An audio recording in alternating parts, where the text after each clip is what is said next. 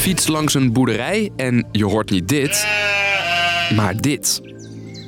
Het blauwtongvirus raast door Nederland. En dat zorgt elke dag voor duizenden dode schapen. Het lijkt soms ook dat ze het goed doen en dan crashen ze en dan is het toch nog klaar. Mijn naam is Dennis en vandaag leg ik je uit hoe blauwtong het boerderijleven lam legt. Lang verhaal kort. Een podcast van NOS op 3 en 3FM. Het begon deze zomer op een paar boerderijen tussen Utrecht en Amsterdam. Schapen zagen er daar ineens anders uit. Blaren en plekjes in de mond waardoor ze slecht kunnen eten en drinken. Dikke poten waardoor ze heel moeilijk op de poten kunnen staan. En blauwe tong. Je hoort viroloog Martijn de Boer van de Wageningen Universiteit. De schapen bleken het blauwtongvirus te hebben. Een ziekte die zich heel snel verspreidt. In steeds meer provincies grijpt het blauwtongvirus om zich heen. Er zijn al, al honderden plekken besmet. Het virus, waar al meer dan 2000 veebedrijven mee te maken hebben gehad, Ze zijn hier flink getroffen. En die ook nog eens heel dodelijk is. De eerste weken gingen ze echt met bosjes. De boosdoener van dit alles? De knut. Dat klinkt groots en imponerend, maar is eigenlijk een piepklein vliegje. Maar wel een gevaarlijke dus. Voor koeien, geiten, maar vooral voor schapen. Deze onderzoeker legt uit hoe het blauwtongvirus zich verspreidt. Het blauwtongvirus wordt dus door een besmette knut in het schaap gespoten, verspreidt zich dan en gaat in de kleine bloedvaatjes zitten die kapot gaan, waardoor het schaap of het rund heel erg ziek wordt. Met grote gevolgen. Het lijkt soms ook dat ze het goed doen en dan crashen ze en dan is het toch nog klaar. Op dit moment sterven er duizenden schapen per dag aan blauwtong. Dat gaan we merken, zegt landbouwminister Piet Adema. De omvang van de stapel zou volgend jaar enorm uh, dramatisch gekelderd zijn. Zo'n virus dat ellende veroorzaakt op boerderijen, dat horen we wel vaker. Denk aan mond- en klauwzeer, Q-koorts, de gekke koeienziekte.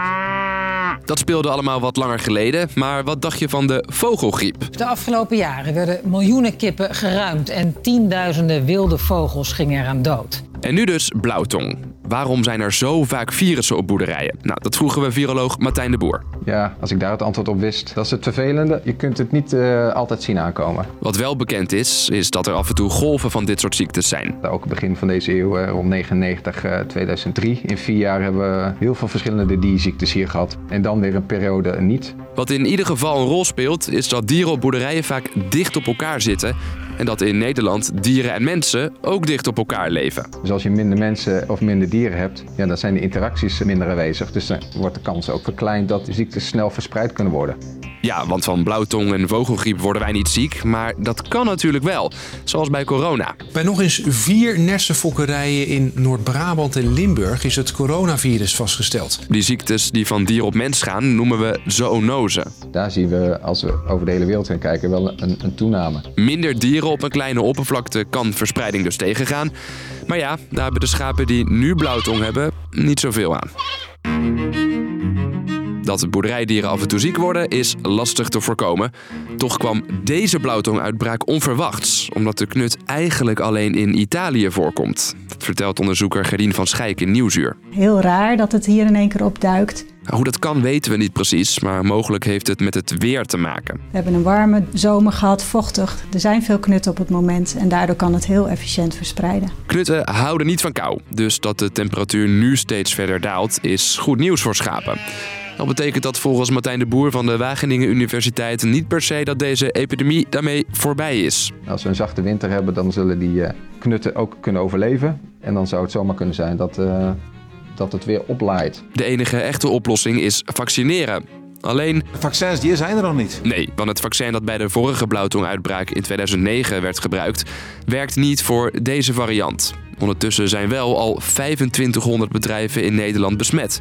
Een, een ziek dier is een dood dier bijna op dit moment. Daarom werkt landbouwminister Adema nu samen met zijn collega's uit België en Luxemburg om de verspreiding te stoppen. Als we gezamenlijk research gaan doen, dan kunnen we ook uh, ervoor zorgen dat we misschien uh, sneller uh, vaccins krijgen. In de tussentijd houden veel schapenhouders hun dieren binnen en hopen ze op één ding. Op een strenge winter, dat zou, dat zou enorm helpen. Dus, lang verhaal kort. Het blauwtongvirus raast door Nederland. Dat is niet besmettelijk voor mensen, maar er sterven wel elke dag duizenden schapen aan. Een vaccin is er nog niet, maar de landbouwminister hoopt dat daar snel verandering in komt. Dat was de podcast weer voor vandaag. Morgen blaten, sorry, praten we je weer bij over een ander onderwerp. Bedankt voor het luisteren en tot de volgende.